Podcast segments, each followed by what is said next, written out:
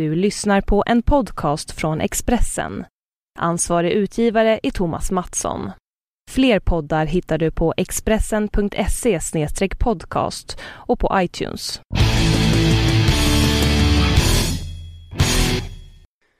Hej och välkomna till Allt om bilars podcast. Det här är det andra avsnittet efter vår comeback. Jag står här tillsammans med Jan-Erik Berggren. Hallå hallå! Själv heter jag David Jakobsson.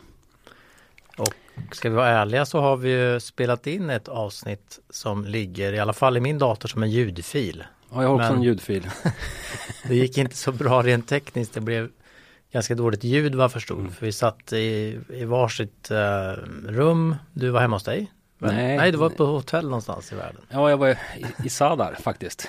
Nej, tanken var ju att vi, vi har ju skaffat oss varsin liten inspelningsapparat för att kunna spela in just när vi reser. Nu måste vi bara lära oss hur det här funkar ordentligt. Och jag satt i ett konferensrum lite längre bort här på redaktionen och det lät som att jag satt i en källare långt ner.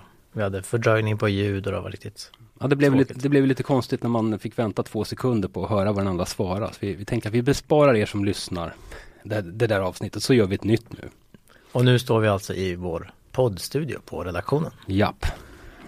Som redan är, är föremål för renovering förstod jag på vår eh, poddredaktör Johan Bengtsson. Att det ska bytas ut lite mickar här och lite sådär. Nu börjar bli sliten nu den där som var helt nybyggd för inte så länge sedan. Jaha, ja. Ja. Spännande. Spännande. Men vi, vi kanske inte ska prata bara om den här eh, studion och om våra misslyckade försök att spela in podcasts. Du har ju varit iväg och i alla fall, man skulle kunna säga förverkligat en gammal pojkdröm. Ja, det kan man säga. Jag fick ju glädjen att eh, provköra nya Ford Mustang. Och eh, det, vi fick köra två, två varianter. Vilka då? En V8, och, eller två motorvarianter. En V8 och en fyrcylindrig. Och vi fick köra en cabriolet och en eh, så vanlig kupé eller fastback som de kallar Fastback, ja. Fastback. Ehm, och det pojkdröm, det kanske kräver sin förklaring. Det var ju så här att när man var liten grabb så så mina föräldrar körde ju mycket amerikanska bilar för det var billigt på den tiden. Och eh, det man idag skulle kalla raggarbilar. Och Ford Mustang kom ju då 1964, sent 64 som de heter, 64,5 de första. Och eh, det här var ju det var ju något nytt liksom i bilvärlden den här kom. Den såg ju lite, den var lite mindre framförallt. Den var inte så stor och vräkig som en Impala eller, eller en, en eh, ja, andra modeller. Utan det var något nytt och det var mycket hästkrafter och det var så här muskelbil. Bilsbegreppet skapades ju där och då med Ford Mustang. Så det blev tidigt min favoritbil och jag hade lovat mig själv att någon gång i, i livet skulle jag äga en, en vit Ford Mustang. En vanlig kupé.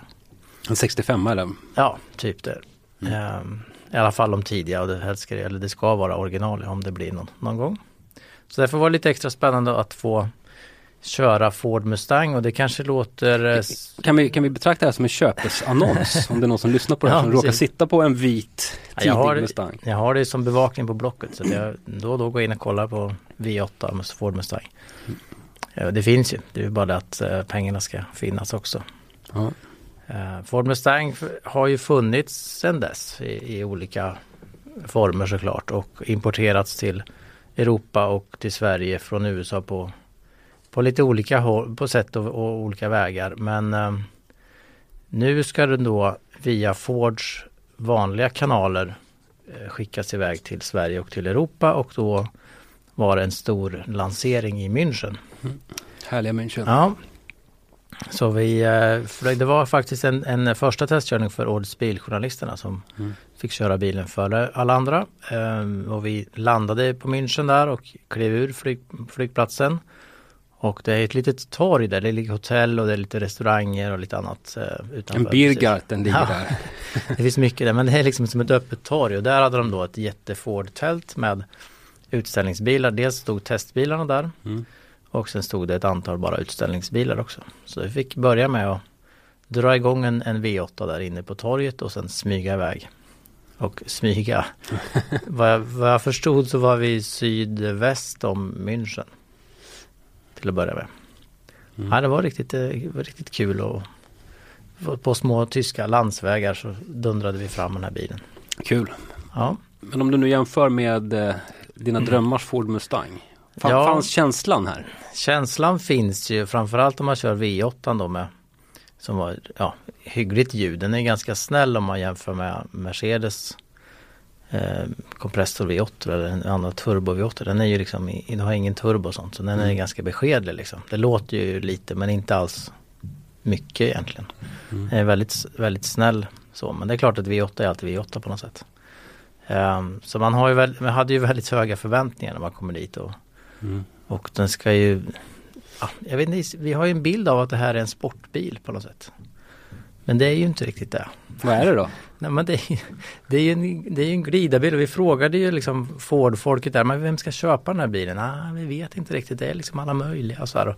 Mm. Jag tror att det är väldigt olika i olika delar av världen vem som köper en Mustang. De berättade ju att i USA är det här mycket en, en, en eh, kvinnobil. Alltså man åker och pendlar, man pendlar till och från jobbet och åker och handlar en sån här bil. Det är liksom lite kaxigare än att köra en Toyota Camry. Mm. Men det är liksom inte den bilden vi har av Ford Mustang här. Här är det ju liksom fortfarande den här muskelbilen, sportbilen från eh, ja, 69, 70 liksom. I alla fall har jag den känslan inför bilen liksom. Och det är ju inte där. Den kan ju inte konkurrera med en Audi TT eller en, en, eh, en Porsche Boxster som, i sport som var sportbil. Det har inte en chans. Liksom. Det är inte ens nära. Och samtidigt är det ingen glidarbil heller. Det är ingen, det är ingen Audi eh, A8 liksom. Alltså det, ja, det, är, det är en märklig bil sådär. De ju faktiskt inte svara heller på så här exakt den här målgruppen har vi. Utan det är som sagt alla möjliga. Det är förmodligen i Sverige sådana som gillar amerikanska bilar. De har kanske en Dodge Ram pickup och de har en Mm.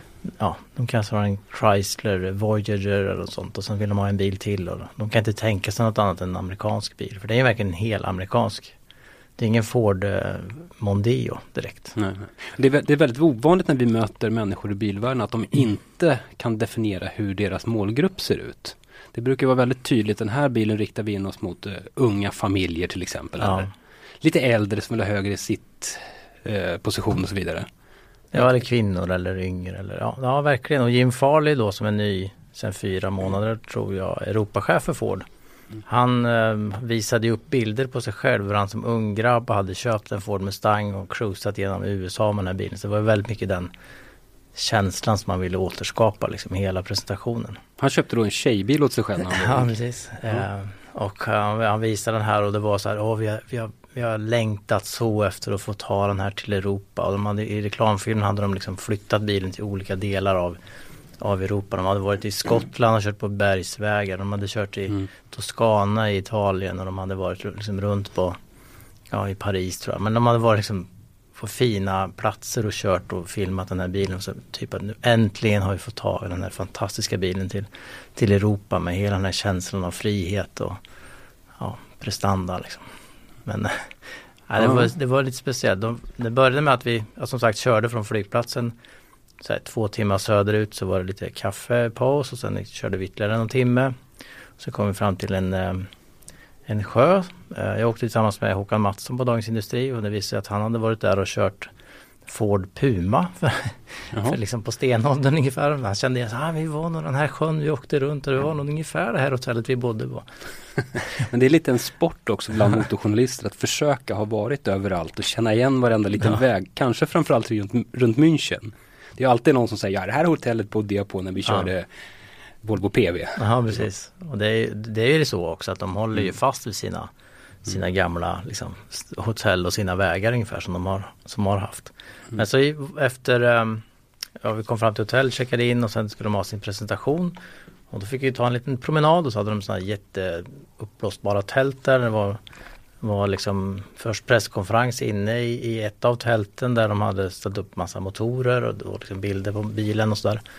Och sen bara, ah, nu, ska vi, nu ska ni få se på en, en liksom presentation ytterligare. Då fick vi byta tält, gick till ett ännu större. Som var en jättelik biograf. Och där Mhm. hade de byggt upp sådana små bås med, med de här stolarna, bilstolar som man fick sitta två och två. Så visade de hela den här filmen om Jim Farley hur han hade köpt den här gamla bilen och kört och sen, ja. Det var- så tråkigt. så de, det är väldigt eh, viktig lansering för Ford tror jag, för de försöker nog använda den här bilen mycket till att ja, få tillbaks en liksom, känsla för varumärket. det kommer inte sälja så många bilar. De kommer inte tjäna jättemycket pengar på den här i Europa. Nej. Men de, de tycker nog att det här matar in massa känsla i varumärket. De har ju hållit på att ska försöka sammanfoga sin amerikanska del och sin tyska del av Ford. De pratar om One Ford. Ja, Är det- ja det är ju, ja. Kommer, ko- kommer den här bilen verkligen att bidra till den känslan? Nej, det här är ju mer som att man tar amerikanska Ford och en liten bit av det och plockar till Europa och säljer de här bilarna. Jag hade eh, deras eh, nummer två i, i Europa, Barb Summerditch som jag kommer ihåg efternamnet rätt till, till bordet på middagen sen och eh, jag pressade lite henne på, på det här med bilen, liksom, vad är det meningen, vem ska köpa den och så. Va- varför har ni inte varför har ni inte gjort en bättre bil och tar mer betalt för den? För ni kan ju ta nästan vad ni vill för den här bilen. För man, man kör, det finns inga rationella argument mot, eller för den här bilen så att säga. Att den som köper den, den köper den oavsett vad den kostar. Nej men det då svarar hon jättesnabbt så här, nej men det är hela, hela Mustangs idé att den ska vara billig, den ska vara affordable. Liksom, så. Vad, kostar, vad kostar bilen? Ja det är ju från mellan 320 till 420 000. Mm. Och de hade ju säkert kunnat ta 750 för den om de hade gjort den bättre också. Mm. Som en Jaguar eller någon i den, på den nivån. Liksom. Mm. Det blir också så konstigt för oss att en, en att, ska det vara en billig bil plötsligt? Det, det går inte ihop på något sätt. Men det var väldigt, väldigt viktigt för dem att, det var, att den var billig. Okej. Ja, att ja. det- ja. Men du tror ändå inte på att de kommer sälja? Jo, de kommer att sälja allt. De, kommer sälja- de hade ju redan nu liksom hela sålt typ en årsproduktion i Europa. De kommer ju, allt de plockar till Europa kommer de att sälja förmodligen. Men det är inga jättemängder, det är ingen volymbil. Nej.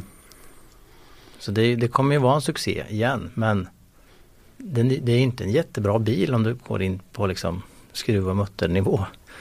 Eller motor. Ja, motorn är väl helt okej. Och den fyrcylindriga motorn var faktiskt i sig bättre. Men Vad är den? 2,4 liters EcoBoost, har jag rätt? Ja, och det, det, det känns ju också konstigt att köra runt med en fyrcylindrig motor som, är- alltså som inte, det låter inte speciellt mycket, det går inte speciellt fort och den, den har väldigt fin effektkurva. Den skulle göra sig jättebra, den kommer väl säkert sitta i en Ford Mondeo så Mm. småningom. Det kommer den göra jättebra liksom.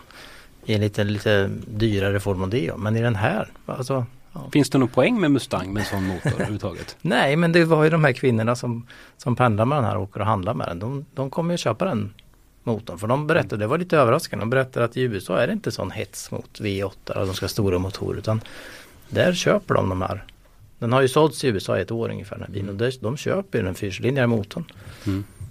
Eh, De gillar ju det liksom. Mm. Ja, spännande att se hur det går med det. Men det var ju, ja, det fick inte jättebra betyg bilen. Men vad gav du Det den? finns väl, eh, jag tror den var, hamnade på 26 av 50. Men det är som sagt inte det man, man bryr sig inte om det liksom. Man ska ha en sån bil. Mm. Men eh, jag drömmer fortfarande om en gammal Ford Mustang. Då. Det är fortfarande Ford Mustang för min del. Och det, jag tror jag skrev det i texten också. Men man kan ju köpa en jätte, jättefin eh, äldre Mustang för 350 000. Då är den ju utställningsskick på den. Mm. Och då får man ju verkligen känslan och, och, och ja, feeling i bilen liksom. Man kan köra runt med den och njuta, må bra liksom. Lika bra som en ny egentligen. Mm. Ja, vi får väl ta den som bäggtips om några år för att se hur den, hur den klarar sig där. undrar hur andrahandsvärdet kommer stå sig på. Ja, vet, det, Tveksamt va? det är tveksamt kan det ju vara liksom men det beror också på hur många som finns liksom. Det är tillgången där kanske. Mm. Men det är klart, det är ju vem vill ha en fem år gammal sån där? Här blir spännande att se. Ja, Eh, vad ska vi mer prata om? Ja, det kom ju dagarna idag tror jag du skrev en text om Volvo va? Eh, Också. Just det, för en stund sedan. Vi skriver, vi skriver texter om Volvo varje dag. Ja, Men, mycket Volvo är det. men nu handlar det om deras, det kan vi, det är lite USA-koppling där. De ska bygga en fabrik i USA. Mm, I South Carolina så ska de eh, smälla upp en fabrik. De ska börja nu tidigt i höst med att få fason på det. Ja, de sätter spaden i marken. Klipper band. Eh, tanken är att de ska komma igång och producera upp mot en 100 000 fordon där varje år. Så det är, det är en ganska ordentlig anläggning. Det är Faktiskt. motsvarande Trollhättan. Men det är väl en ganska vanlig nivå? va? Trollhättan. Ja men Saab-fabriken gjorde väl Ja, kanske var så. Ja, det, det, det är väl en vanlig nivå. Det är en ganska vanlig nivå Ja. på fabrik. Mm. Eh, bilar, exakt vilka bilar som ska byggas där har vi inte riktigt fått kläm på. Stora bilar, nya bilar. Alltså det kommer inte att släppas dit någon gammal, eh, gammal utgående plattform. typ eh, dagens V60 eller sådär. Utan det blir eh, eh nya X90 lär ju byggas där. Och eh, man kan gissa på nya S, S och V90 som kommer också senare. Mm. Nya 90-serien egentligen. Ja. Hela nästa XC90-generation. Faceliftad XC90 kanske. Ja, kanske så. Kanske så. Det blir ju spännande. Mm. Eh, Volvo har ju snackat ganska länge om att USA måste vara en prioriterad marknad för att man ska få eh, få de försäljningssiffror man känner sig i behov av. Eh, det här är väl ett ganska tydligt tecken på att man, att man tar det där på allvar. Att man väljer att förlägga en del av sin produktion i USA. Och sen slipper man hela trasslet med valutor hit och dit. Att de ena året är starka och andra året är svaga. Och, mm. Utan man, man tillverkar det man säljer. Mm.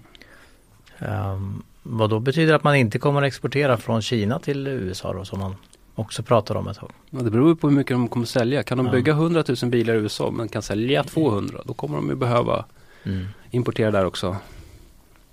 Det tror inte jag att de hamnar på de volymerna inom de närmsta åren. Men... Ja, vad ligger de nu? 50-60 eller 60? Ja, jag, jag vet ja. inte. Men det har gått snabbt ändå. Alltså de har pratat om det här ett tag men det, jag tycker det känns som att det var första gången för kanske ett år sedan man hörde ryktet. Mm. Och sen pang så har de bestämt sig. Liksom. De har nog haft eh, just South Carolina i, eh, i åtanke ganska länge. För det, det finns ju sedan tidigare en hel del annan bilindustri. BMW har till exempel en fabrik i South Carolina. I eh, Spartanburg heter det va? Det är rätt många som Borde jag veta för jag har faktiskt varit där. eh, nej men det, det, är många som bygger bilar där så det finns mm. väl en logistik som, som de bara kan haka på på något sätt. Och det var Charleston Heter det. Utanför Charleston tror jag fabriken skulle ligga. Just det. Vad heter det? Berkeley County. Samuelsson dansar Charleston. det blir snyggt. Det lär finnas en bra musikskola i Berkeley också. Undrar om det är ah. det som avses. Ja. Ja men det, det, var, det är kaxigt ändå att de liksom får loss pengar. Det var ju dyrt va? Jag har inte siffran i huvudet men jag läste den. Jag vet inte men det är ju jättedyrt att bygga bilfabrik kan man ja. ju utgå ifrån. Nej jag vet inte. Det, det börjar bli många fabriker nu om man ser på först alla fabriker i Kina. Har de uppe i tre va? Ja.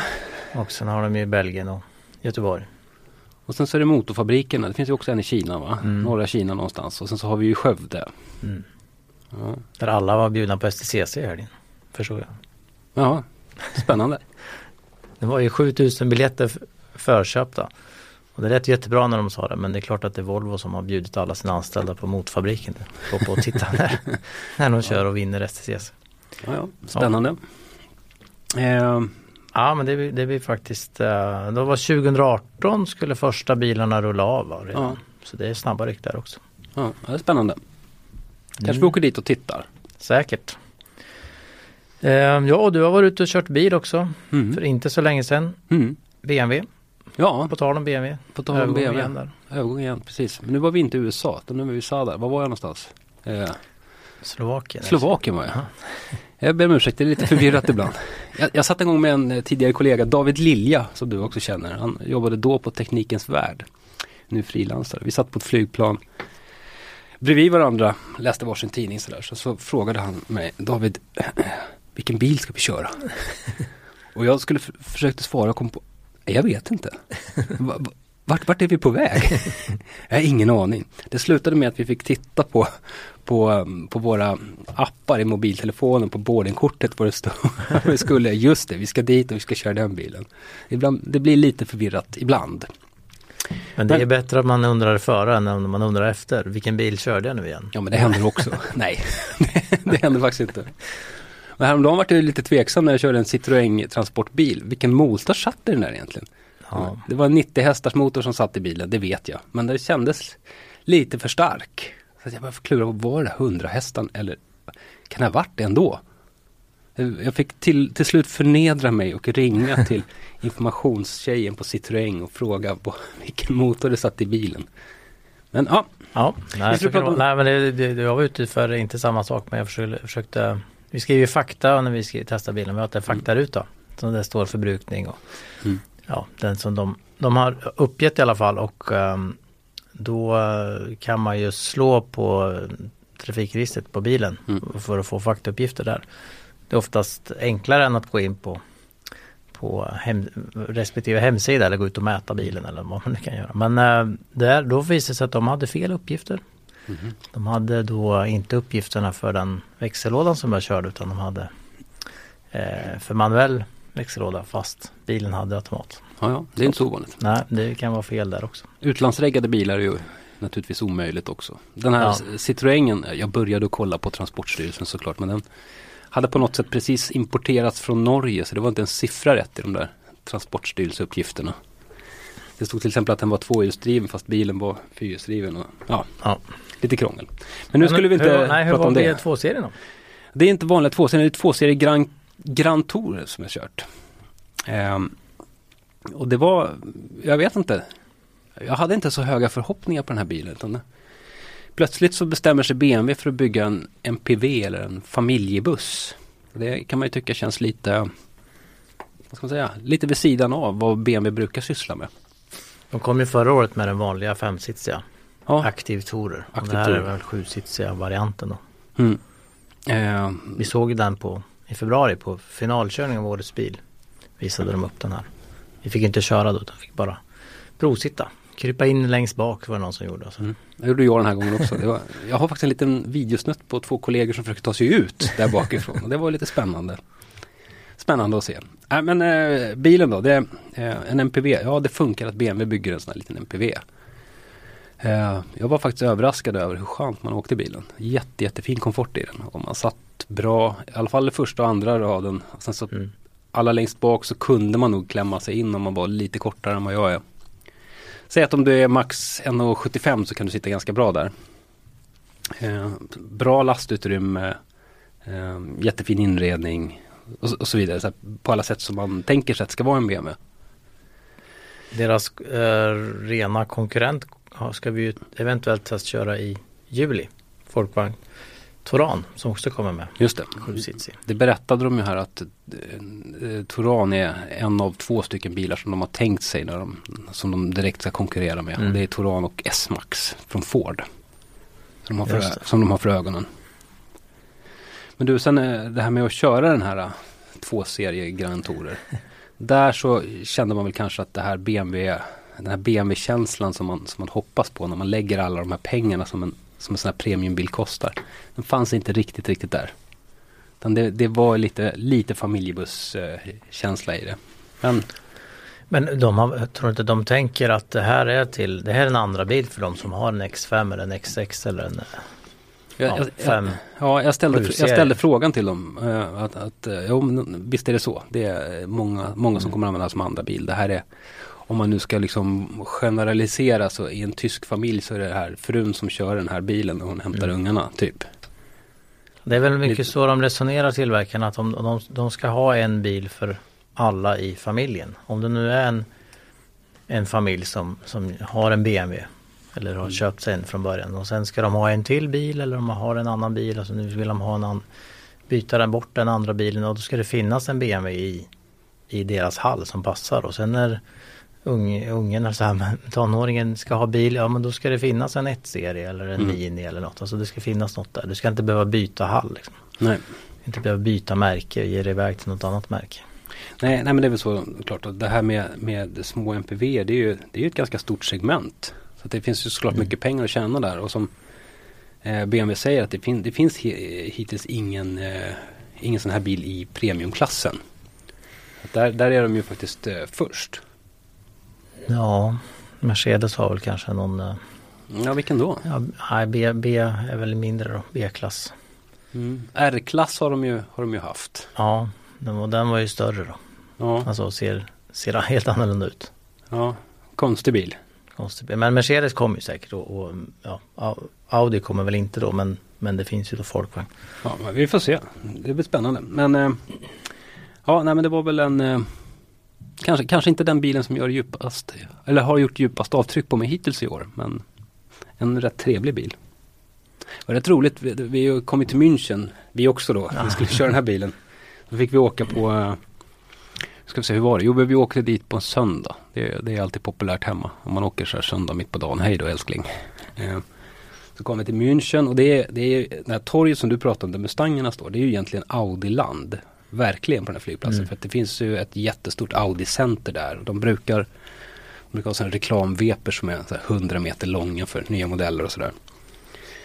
När vi kom dit med BMW så skulle vi bo på Kempinski hotell som ligger precis där. Eh, för att vi skulle med ett plan på morgonen sen.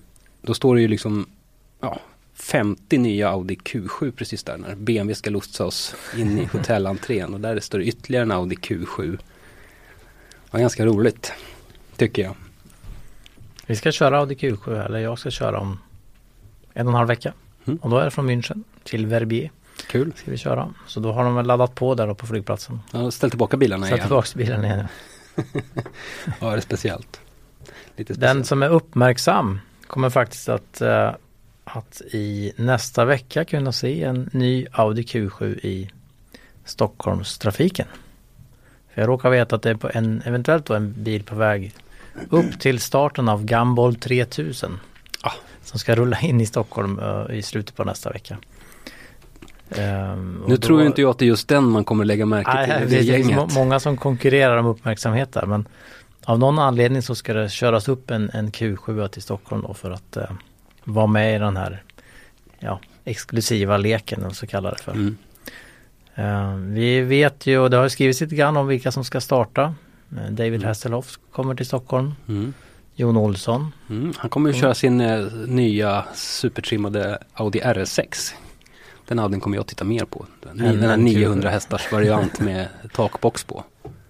Det är läckert. Eh, ja, och eh, sen har ju vi skrivit att Lewis Hamilton ska köra. Mm. Han kommer dock inte till Stockholm kan vi avslöja tyvärr men Mm. han kommer att dyka upp i tävlingen lite längre fram. I en Mercedes då förstås. Ska vi gissa på en eh, AMG GTS eller? Ja, om han nu dyker upp en Mercedes, man vet aldrig. Jo, det är klart han gör. Han, har han är ju expert på att visa upp sina egna personliga privatbilar på eh, Instagram. Han har ju en del riktigt, riktigt läckra bilar. Han kanske har någon McLaren kvar sen åren där. Men han har, en, han har väl en ny McLaren va? Har han inte Han det? kanske har köpt en ny också. Och så har han en Sonda. Eh, och så har han en LaFerrari tror jag han har skaffat sig. Och så har han, den senaste jag har sett det är när han eh, visar upp sin Cobra. En svart Cobra som han kryssar omkring i. Han visade upp sina kalsonger också för inte så länge sedan på Ja, Instagram. det var mindre imponerande faktiskt. ja, Han stod i kalsonger på en balkong va? han är ny singel. Han måste Ja. på något sätt marknadsföra sig själv känner han nog. Och hunden brukar vara med rätt mycket också. Eller hundarna. Jag vet inte om han har en eller två nu. Han Också, har en, haft två. också en babymagnet. Ja, hundtricket. Om det inte skulle gå hem med varken årslönen eller, eller uh, yrket så får han ta fram hundarna. Ja visst, världsmästare i Formel 1 tjänar, vad kan han tjäna? 400 miljoner om Han året. skrev ett nytt kontrakt nu. Det var ju helt vansinniga summor som det ryktades från början att han skulle få om han förnyade. Men han fick nöja sig med ja, 60 tror jag av det första som gick ut. Men nu har jag inte dem i huvudet. Men det var ju Ja, det var väldigt, väldigt mycket pengar. Jag har för mig att någon brittisk tidning hade räknat ihop ungefär vad han tjänar per år. Och då hade Mm. de lagt upp lite reklamdeals och Ja. sådär. Jag tror att det var runt 400 miljoner han får. Är bra betalt. Det är rätt bra. För världens roligaste jobb. Ja. Ja, En, en, eh, ska vi gå över då? Vi fortsätter våra smidiga övergångar här. Formel 1. Formel 1. Mm. Det dök ju upp en annan eh, kul bild här. På eh, En gräslig bild. ja, en gräslig bild. Eh, en Sauber eh, gräsklippare. Robotgräsklippare. Det var helt galen. Du får berätta om det. Du eh, pratar med killen som har byggt den. Ja, den här bilden dök upp faktiskt första gången för några veckor sedan när Marcus Eriksson själv då retweetade den här på Twitter att han, att han hade sett den här och tyckte den var cool och ehm, då jagade vi reda på de här personerna som hade lagt ut bilden och då hade vi inte då möjlighet att att prata med varandra. Det rann, rann ut i sanden lite grann och så tog vi tag i det igen inför Barcelona nu. Och så visade det sig att det är så att ehm, det finns några som installerar de här klipparna. Man köper en robotklippare. Mm. Och vi kan säga att det var Husqvarna. Det finns ju inte så många värde på alla. Vad jag förstått så utgår de flesta från Husqvarnas eh, patent på den här tekniken. Men i alla fall så hade den då Marcus pappa installerat en sån här eh, i sin, på sin gräsmatta för några år sedan. Och ehm, då hade de väl börjat tänka lite grann och sen var det då eh, en person som har en sån här liten eh, eh, företag som säljer såna dekalkit och sånt. Mm.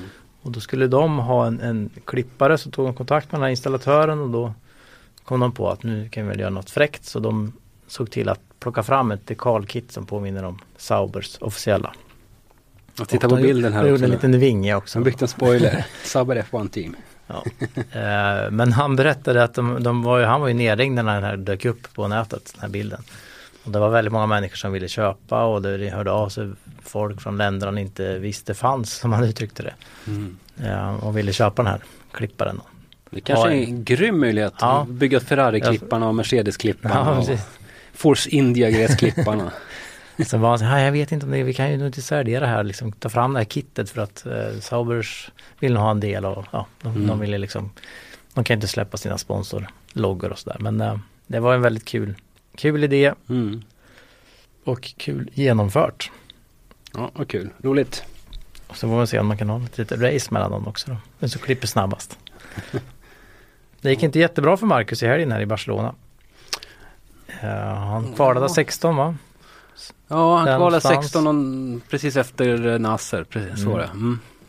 Och Nej. det är väl uppenbart att eh, många andra team har förbättrat bilarna mer än vad Sauber har lyckats göra. Ja, det, Fram till den här Europa-säsongen, Europapremiären. De har inga pengar.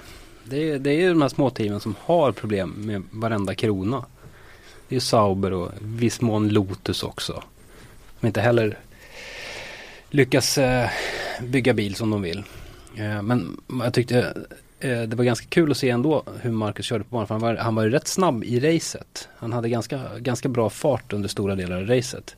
Sen hade han ju som vanligt då någon slags otur som, som verkar hänga över honom som ett litet regnmoln. Jag tänker på Nej, eh, det påstoppade. depåstoppet. Eller för, Mm. depåstoppet, han tappade, var det, tre sekunder Tre på att sekunder det strulade första. med en hjulmutter igen. Det gjorde det ju också i Bahrain. Var det vänster fram igen va? Eller var det, jag kommer inte ihåg vilket det var i bara. Jag kommer inte ihåg, men det var ett hjul i alla fall. Och det att köra ikapp tre sekunder ute på banan, det är ju Alltså de här killarna spenderar ju liksom miljoner på att spara en hundradel sekund i bilen liksom. Så tre sekunder är oceaner av tid. Eh, så det var lite tråkigt. Och så fastnade han vid ett tillfälle bakom teamkompisen Nasser också och tappade tid. Och då skrek han lite frustrerat i radion också. Eh, första gången jag hörde det från Marcus Eriksson. Lite kul.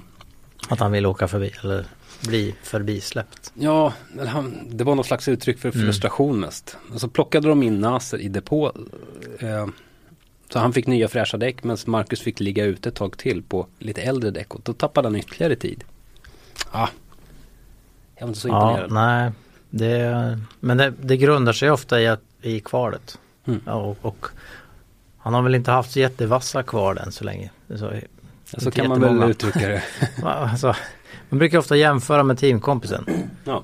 Och då är han väl utkvalad må, rätt många gånger av, Mm. av teamkompisen. Och det, jag vet inte, det, håller, ja, det, det gör ju att han får lite nackdel i racet. Han, får, han blir ju då efter i racet och Mm. behöver liksom, kanske lite onödigt ibland, ta sig förbi. Och, Mm. och det är klart att teamet om de ska välja, då måste ju gå på den som ligger bäst till. Mm. Ta in den först eller låta dens taktik styra mer. ja, visst är det så. Um, så var det ju för, ja du såg ju hur uh, Rosberg dominerade ju från, från täten nu och då den här gången var det Hamilton som fick ligga där och anpassa sig, gå in före och efter och de, Mm.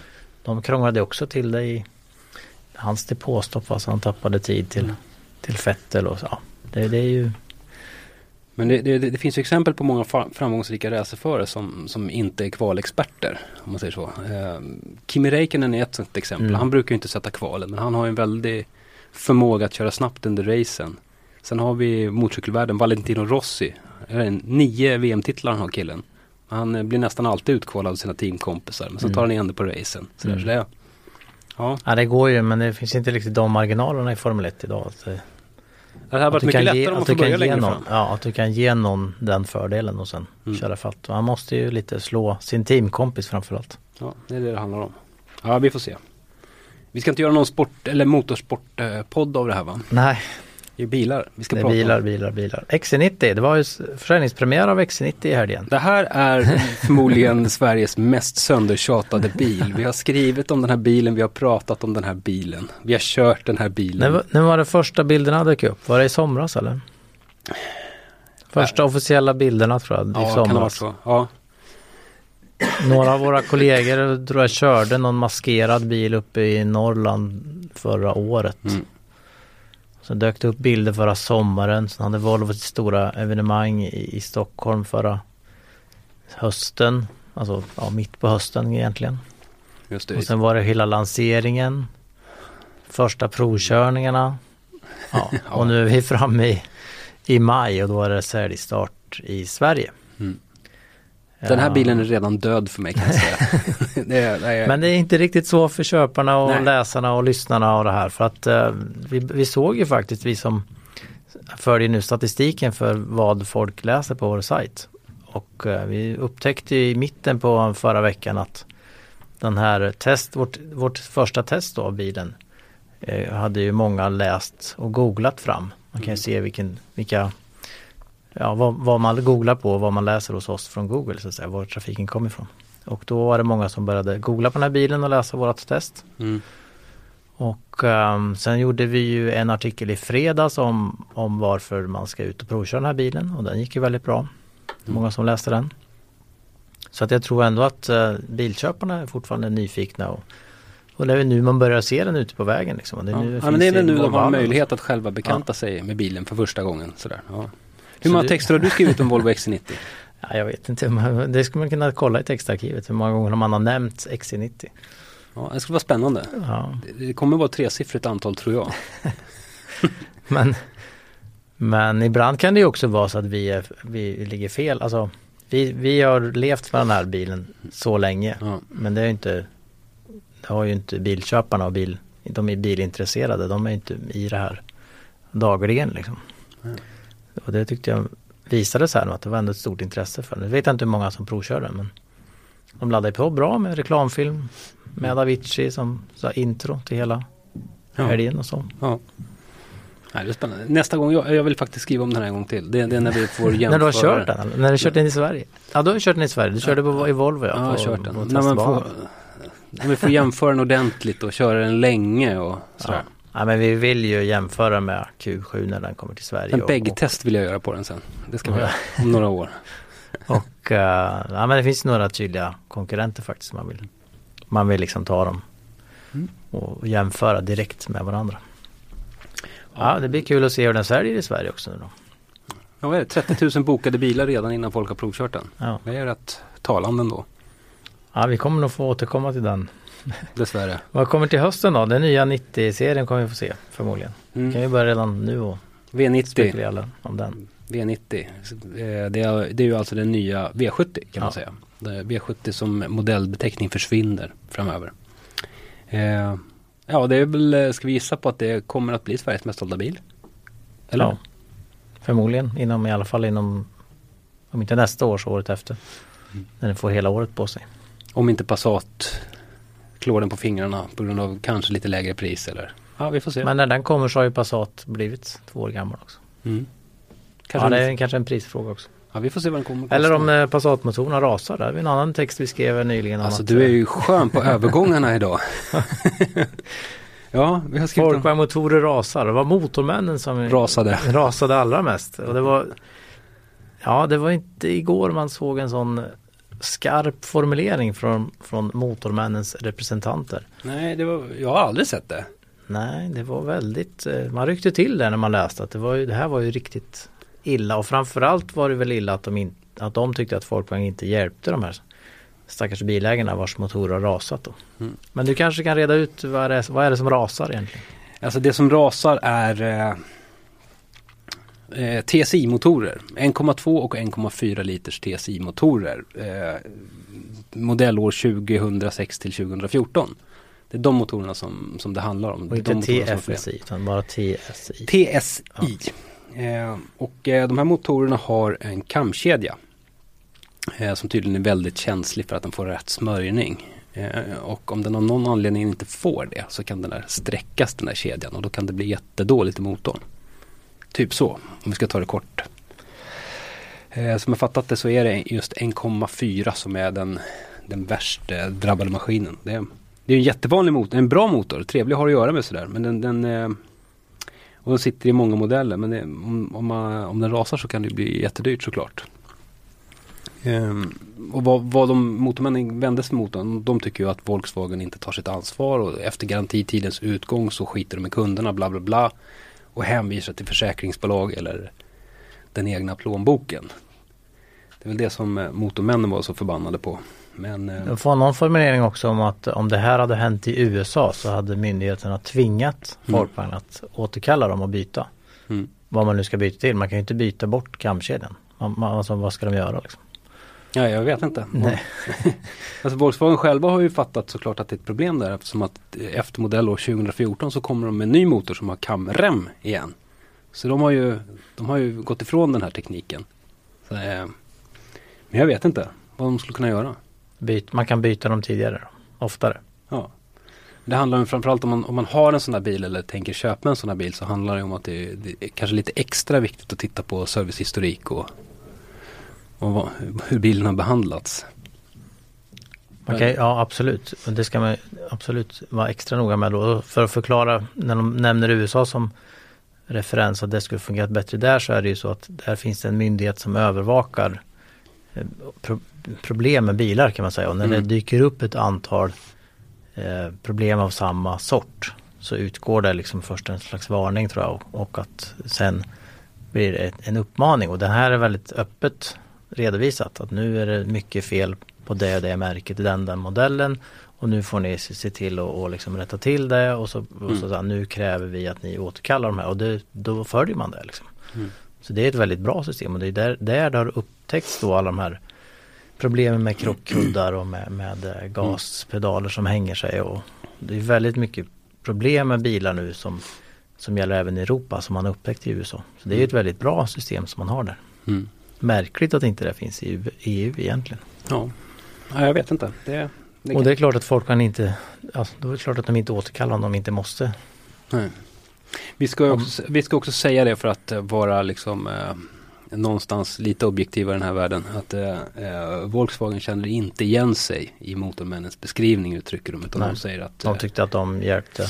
Precis, de, de, de säger att vi har en hantering för det här och vi har en generös syn på ett generöst förhållningssätt för att hjälpa kunder som har drabbats.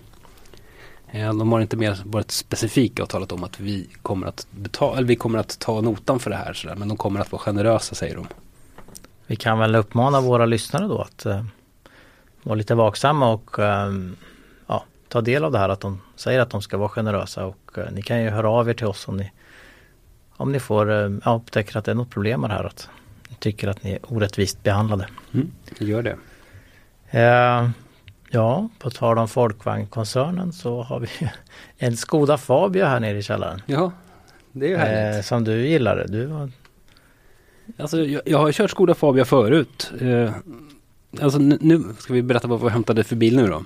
Vi var häm, hämtade en eh, Nissan 370Z Nismo. Nismo, precis. Och den ska du köra och den ska du skriva om. Så att jag har, eh, jag la vantarna på bilnycklarna där just när vi hämtar bilen bara för att få känna på den lite. Och nu så kände jag på vägen tillbaka här till, till redaktionen att åh vad skönt det hade varit att sitta i Skoda Fabia just nu. Som jag fick köra tillbaks från fick, ja. Upplands Väsby. Ja, eller Akalla var vi. Ja, men jag ty tycker också den här bilen är, är bra. Antingen, antingen så är det tydligt kvitto på att vi har blivit riktigt gubbiga eller så är det helt enkelt en bra och trevlig bil. Jag tror kanske en sväng av båda då. Ja. Men det är en jättetrevlig liten bil som dessutom är rätt billig. Måste man säga. Det är, vad är det, 130 000 kostar en Skola Fabia typ. Från 130 000. Och den är, den är väl rätt uh, rymlig. Mm. Nu har vi vanlig, vi har inte kommit utan den är den vanliga. Men det är rätt okej plats i den. Ja, ver- verkligen. Bra plats i kupén och det går att få i lite last också. Ja, nu kör jag den här volymmotorn, eh, TSI 90. Ska alltså ha kamrem den här motorn. eh, nej, men eh, ska vi säga att det här är ett eh, budgettips till alla Absolut. som eh, är Absolut, ute och ska så. köpa bil. Min fru är redan intresserad. Okej. Men skulle inte hon ha Men- Golf Alltrack? Ja, man tyckte de såg en annons på den nu i, de har ju säljstart på den också va, tror jag inne, för de hade helsidor i olika tidningar. Man tyckte den var ful. Alltså? Ja, men- Jaha. så det kanske, vi får kanske titta på en Skoda. Vi får se. Men en kombi i så fall så är det väl lite plats. Plats för hunden om inte annat. Nej men Skoda är väl på gång. De kommer med en ny Superb Mm. i år. Vi ska väl ut och eh, köra den. Jag ska titta kalendern här. Jag ska ut och köra den. Du ska ut och köra den om två veckor va, någonting? Eh, nej, en vecka. Nej, ska, Redan nästa vecka. nästa, nej. Näst, näst, nästa vecka är det. Om två veckor ska jag köra bilen. Just det. Och Någon- den kommer till Sverige vecka 40 tror jag fått besked om. Mm. Säljstart. Det är rätt En smart. jättebil. Ja, Ja, men det var faktiskt en snygg bil. Jag såg den ju på bilsalongen här senast i Genève. ja den, de den ser jättebra ut. Jag har, jag har inte riktigt eh, tittat på den eh, live men eh, eh, den gamla varianten hade ju eh, alltså ett fantastiskt utrymme i kupén. Framförallt i baksätet. Och den nya ska ju ha ännu bättre. Ja, den nya är jättestor. Det måste vara den största, största no- bilen i, i baksätet. Frågan är vad man ska ha allt det där utrymmet till. Ja, nej, man kanske hellre skulle lasta. Det finns ju gräns, såklart en gräns för vad, vad, man, Alltså, vad man hur, har det till. Liksom. hur långa människor sitter i baksätet på en Skoda? Jag vet inte. Det Du, kanske, får, du får fråga när du... det kanske finns Ja. människor som är så här 2,45 långa som känner att nu finns det ett baksäte som jag kan färdas i. Ja, för man kan ju ha, man kan, ja, man kan ha en väska där i för sig. Ja. man. Ja, det går ju. Ryggsäcken.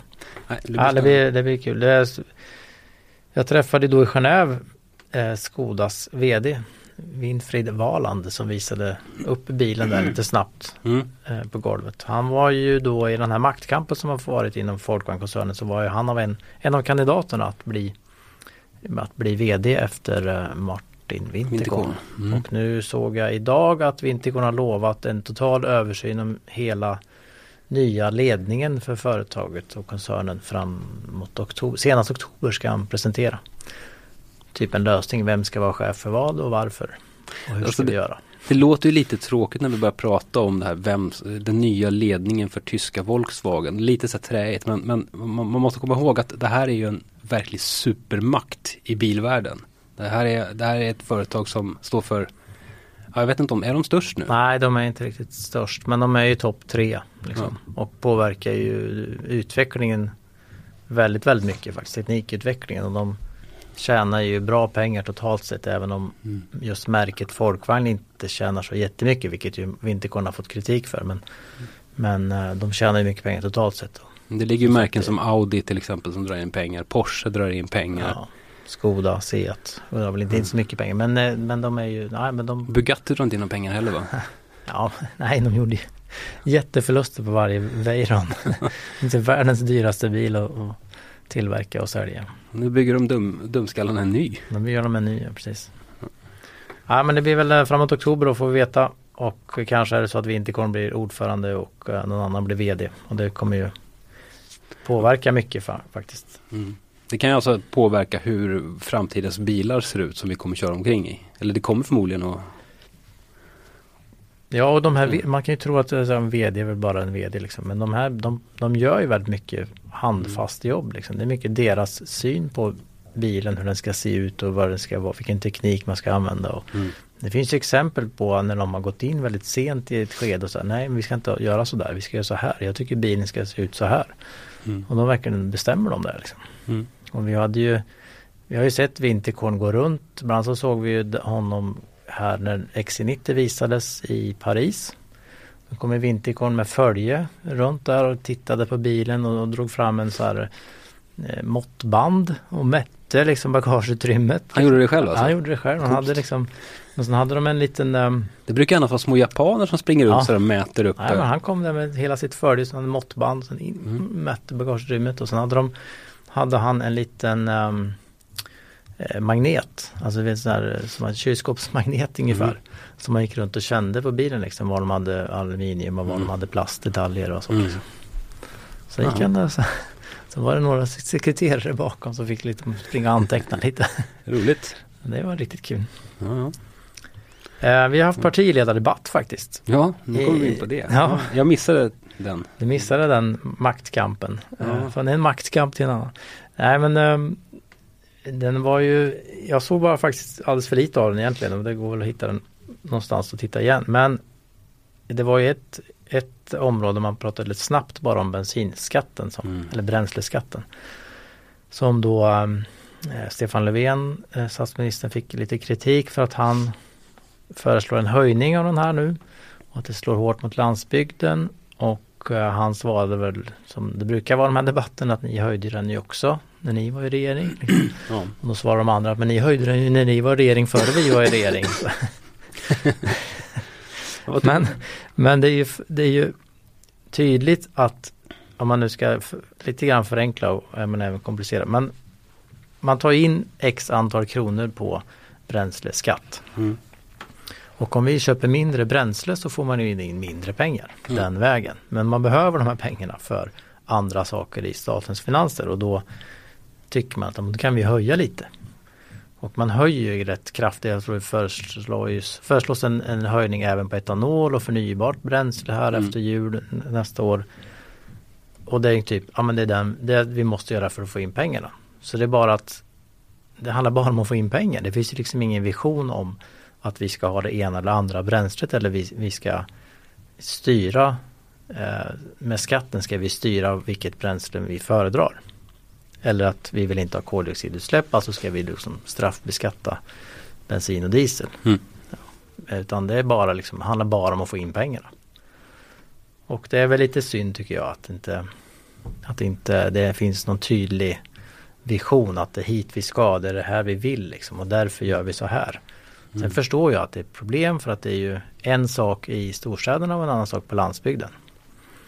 På landsbygden måste man kanske åka 10 mil till jobbet eller ännu längre Mm. ofta. Om man vänder och ska åka och handla åt andra hållet. Och så. Man, man lever ju med bilen på ett annat sätt Mm. och måste köpa bränsle då. Mm. För det var ju några, någon i debatten som jag tror det var Åsa Romson, Miljöpartiet som försökte försvara, med, försvara sig med Ja men det finns ju inte bara bensin och dieselbilar. Nej men elbilar funkar ju inte om du Om du har 10 mil till jobbet så går det inte att köpa en elbil. Liksom. Och det går framförallt inte året runt. Mm. Så att, eh, ja men det är synd att det inte finns någon Någon tydlig vision eller någon tydlig väg där man tycker att hit ska vi. Utan det handlar bara om att få in pengar och det handlar bara om kortsiktiga beslut. Och de, de får liksom smäll på fingrarna så fort något, någon kommer med något beslut så får de stryk för det och då kan de inte försvara sig utan Ja, för de, de har liksom, det bottnar inte någonstans de här förslagen. Att det, är ett nedpri- att det är ett ämne som de eh, inte riktigt vill ta tag i. Nej, det, nej, de vill inte för det är inget kul. För de får inga väljare på den här vägen. Det går inte att komma med ett, eh, med ett förslag som någon gillar. Liksom. Nej, det är bara sänk skatten och det går inte för de måste få in pengar. Mm. Men det blir helt orimligt om de få som, som fortsätter att köra på bensin och diesel om tio år ska dra in lika mycket pengar som vi, som vi gjorde för fem år sedan. Mm. Det blir ju helt omöjligt. Mm. Och då blir det andra skatter och då, då kanske man måste börja beskatta eh, annan energi. Mm. Men eh, det var jag, jag läste lite grann om det här nu i helgen och eh, ja, som förra veckan och det finns ju Ja det är ett problem liksom. Vi, vi pratar inte så mycket om energiskatt och vad vi beskattar och inte. Och varför. Nej. Det får vi återkomma till. Men i kronor och ören så, så kan vi åka på en liten smäll då framöver här med, med tuffare eh, skatter på bensin. Och det, förslaget var ju också att det skulle indexeras, alltså gå på BNP och räknas upp utan att regeringen eller riksdagen behöver fatta beslut. Och det är lite farligt kanske. Mm. Jo. Att det bara tickar upp år för år för år. Men jag, jag kan ju känna att det är bra att man väljer att fokusera på en skattehöjning på bränsle istället för på bilar. Nu har de för sig pratat om det här bonus malus systemet där också. För att, eh, så länge skatten ligger på bränslet så kan man ju så att säga från dag till dag, minut till minut själv påverka hur mycket utsläpp man ska stå för så att säga. Kör jag, kör jag runt i min Porsche Cayenne Turbo S så kan jag välja kanske att inte tokgasa med den och då spara ett par liter shoppa på vägen till jobbet. Ja precis. Och, då, och så får man kompensera landsbygd då på ett annat sätt med Ja. reseavdrag eller något sånt. nu, ska, nu ska jag säga något som inte är populärt på landsbygden. Det är att om man, varje gång man läser sådana här analyser av hur mycket folk har kvar i plånboken när allting är betalt, inklusive bilar och sådär, så då är det alltid liksom bättre att bo på landet. Man har alltid lite mer pengar över än, än de som bor i storstäderna. Så jag kan tänka mig att det finns en och annan som inte tycker att man behöver kompensera. Jag vet inte. Kanske. Eller så bygger vi tunnelbana överallt. Ja precis. Det går. Nej, men det är ingen, det är ingen, det där, jag förstår att det är ingen lätt uppgift men det är tråkigt när det bara blir ensidigt och, och liksom kortsiktigt. Vi kanske borde bjuda hit någon som, är, som har lite bra åsikter om det här och snacka någon gång. Ja, någon politiker. Ja. Hör, politiker som lyssnar på det här, hör av er om ni vill komma hit och förklara skattesystemet och bil och, och bränsleskatt. Det blir bra. Stulna hjul står det på vår eh, lista här och då är ingen, det var ingen bra övergång där faktiskt. Det är många som stjäl hjul, eller? Ja, Någon stal dina? ja i helgen. Hade inte vi en lista här på hemsidan om var bildelar stjäls va? Det låg ute för hela, hela förra veckan så här. Här, här skärs bildelarna i Sverige, gata för gata. Ja, då kan man addera lite på, på min gata. Vilket litet plus på din gata direkt. Ja, usch. Man, man, blir lite irriterad måste jag säga, eller arg om jag ska vara helt ärlig. Och nu lyckades de dessutom sno två vinterhjul och två sommarhjul. Så jag liksom hade inte riktigt eh, du hann inte klart eller? Hur var det? Alltså, här var jag, jag, jag, skulle gå ut och byta hjul på bilen. Eh, så hann jag byta på ena sidan, av med vinterhjulen, på med sommarhjulen. Eh, sen hände någonting, något av barnen behövde hjälp med något och sen behövde det andra barnet hjälp med något och så vart det kväll och mörkt och det började tokregna och sen så staplade de där hjulen på stället på min tomt och sen så tänkte jag att jag tar dem om bitti. Sen gick jag ut på morgonen och då var ju de där hjulen naturligtvis borta. Ja, Ja, det är ju rätt fräckt. Har de gått in på tomten och stulit dem? Jag har gått in på tomten och snott de där hjulen. Jag hoppas bara att de inte förstod att det var både sommar, jul och vinterjul. Så att de sen blir lite besvikna när de ska försöka hänga på det där på någon bil eller sälja på Blocket eller vad de ja. tänker göra med dem. Men du har inte hittat dem på Blocket än? Ja, jag har faktiskt letat varje timme. Men jag hittade, jag hittade nya hjul på Blocket rätt snabbt. Eh, så jag köpte ny från en krockad likadan bil. Eh, så att nu har jag hjul på min bil. En annan sak som jag fick höra i, i helgen faktiskt, ett, ett eh, bevis nummer två för, på ett problem som många nya bilar kan råka ut för nu när de har bytt hjul från vinter till sommar är att de får eh, ja, lampan för lufttrycket börja lysa. Mm. Lufttrycks, den varnar för att det är för lite luft i något av hjulen. Mm. Och det där behöver inte alls vara så. Utan det har att göra med att eh, Eh, EU-regel säger att alla nya bilar från om det var i höstas eh, ska ha det här systemet för lufttryckskontroll och varna om det är för dåligt lufttryck. Men det här kräver då att hjulen monteras på samma ställe där de satt. Så vänster fram ska vara vänster fram och, för att det ska fungera. Så blir det kajko när man sätter på en annan däckstyp. Ja, så det kan lätt bli problem och vi hade ju en eh, kollega här på tidningen som hade en ny Subaru och hon eh, bytte då från vinter till sommar. Det började lysa. Hon åkte tillbaks till däckverkstan och sa att det här är ju fel, det blev efter att ni bytte hjul. Och de sa nej men det där kan inte vi göra någonting åt, det måste du åka till Subaru för att göra. Och hon kontaktade Subaru och mycket riktigt så var det så att hon var tvungen att komma dit till dem, beställa tid för att de skulle ja, justera den här lampan, den här varningen, liksom, ta bort den. Mm. Och uh, hon var ju väldigt upprörd över det för att det var, var, varför ska hon behöva åka till Subaru-verkstaden liksom. Och det är säkert fler som upptäckt det här att, uh, som jag sagt så jag träffade en i helgen som hade en, uh, var med i en bilpool. Mm. Sunfleet här i Stockholm och han hade då kört den här festen vi var på söndag eftermiddag och um, upptäckte då på vägen att nu lyser lampan för lufttrycks, att det är dåligt lufttryck så han nog, noggrann som han var så åkte han in på macken och skulle fylla på luft och och mätaren på klockan indikerade ju att det här var ju inga problem. Liksom. Han knappade in, det var så här man kan knappa in vilket lufttryck man ska ha i hjulet ja. och sätter man bara på. Och sen, ja men det var ju så mycket. Liksom. Ja. Men då lyser lampan. Ja. Och då var det förmodligen det här felet för det var en ny bil som dök upp i poolen i höstas. Jag har kört ganska många bilar under vintern med, med det här. Att det dyker upp direkt ja. det där lufttrycksgrejen. Det måste ju bli fel även om man sätter på vinterhjulen förstås. Ja, ja. Skitjobbigt.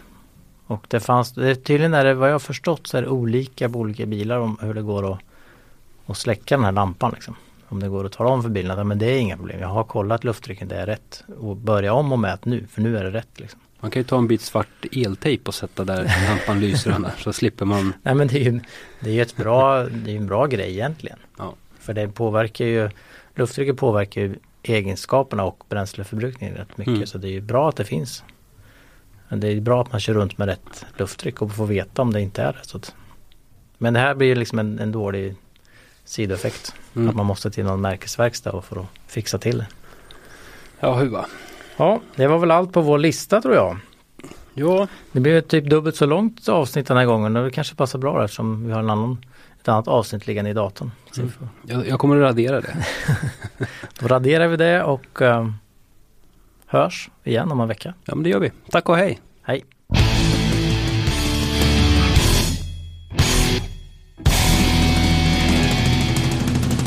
Du har lyssnat på en podcast från Expressen. Ansvarig utgivare är Thomas Mattsson.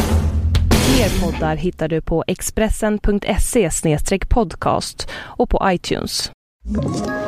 Ett poddtips från Podplay. I fallen jag aldrig glömmer djupdyker Hasse Aro i arbetet bakom några av Sveriges mest uppseendeväckande brottsutredningar. Går vi in med hemlig telefonavlyssning och, och då upplever vi att vi får en total förändring av hans beteende. Vad är det som händer nu? Vem är det som läcker?